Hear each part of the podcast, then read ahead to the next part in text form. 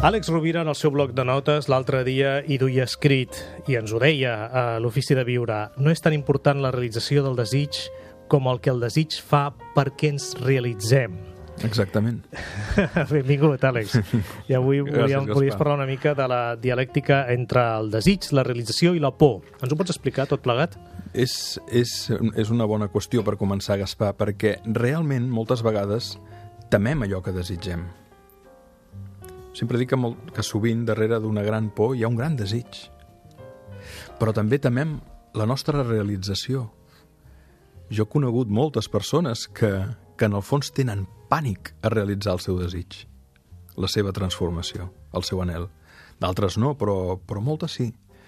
Aleshores, eh, fixem-nos, mm, observem la por, observem les nostres pors davant d'un nou projecte, davant d'una nova iniciativa que ens il·lusiona, que, que ens engresca, o fins i tot una iniciativa que no s'ha acabat de concretar, però que la tenim al cor i la tenim al cap i ens va voltant. La por és sovint un indicador molt clar de que hi ha un anel.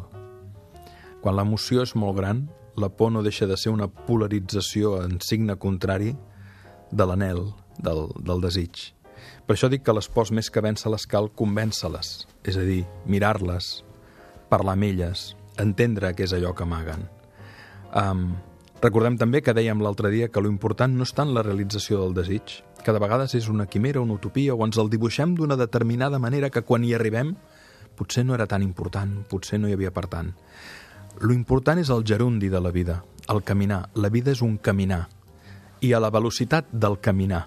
Vivim en un món on ens desplacem a milers de quilòmetres per hora amb els avions, a centenars de quilòmetres per hora amb els trens o amb els vehicles, amb els cotxes, i la vida es realitza a la velocitat del caminar. La transformació, això ho deia molt bé en Raimon Panicart, no? que deia que no podem fer créixer el roser estivant de les seves fulles. Uh, I deia, la felicitat és inversament proporcional a l'acceleració. De vegades volem els canvis molt ràpids, molt de pressa, sobretot en el món de les organitzacions, de les empreses. I no, una bona paella necessita 20 minuts. Per tant, hem d'entendre també que els processos de realització i de transformació personal no només haurem de vèncer els obstacles que en generen les nostres pors, incerteses i les mateixes limitacions que té la realitat, sinó que un obstacle sovint a vèncer també és la impaciència. Per tant, m'agradaria tancar el bloc de notes d'avui apel·lant amb un valor fonamental per la transformació humana, individual i col·lectiva, que és la humilitat. Tocar de peus a terra, ser humils. Humilitat, humor, humà, tenen la mateixa arrel etimològica. Peus a terra. Caminar a la velocitat del caminar, ni més ni menys. Àlex Rovira, moltes gràcies per la teva humilitat, entre moltes altres coses. Pots comptar. Fins a la setmana que ve. Abraçada oients també, moltes gràcies. Una abraçada.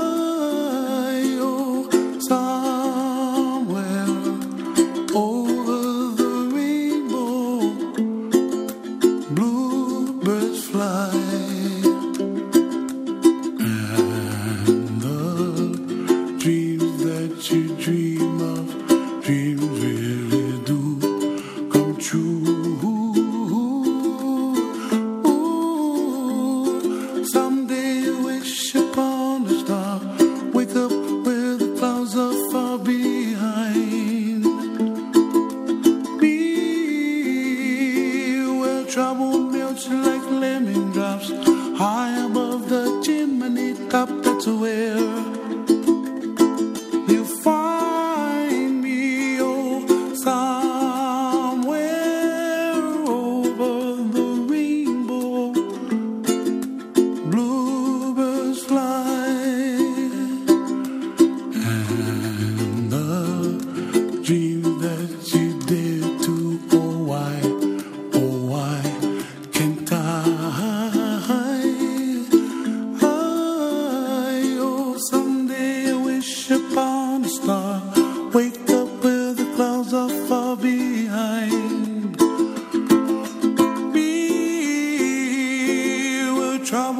drops like a lemon drops high above the chimney top. That's where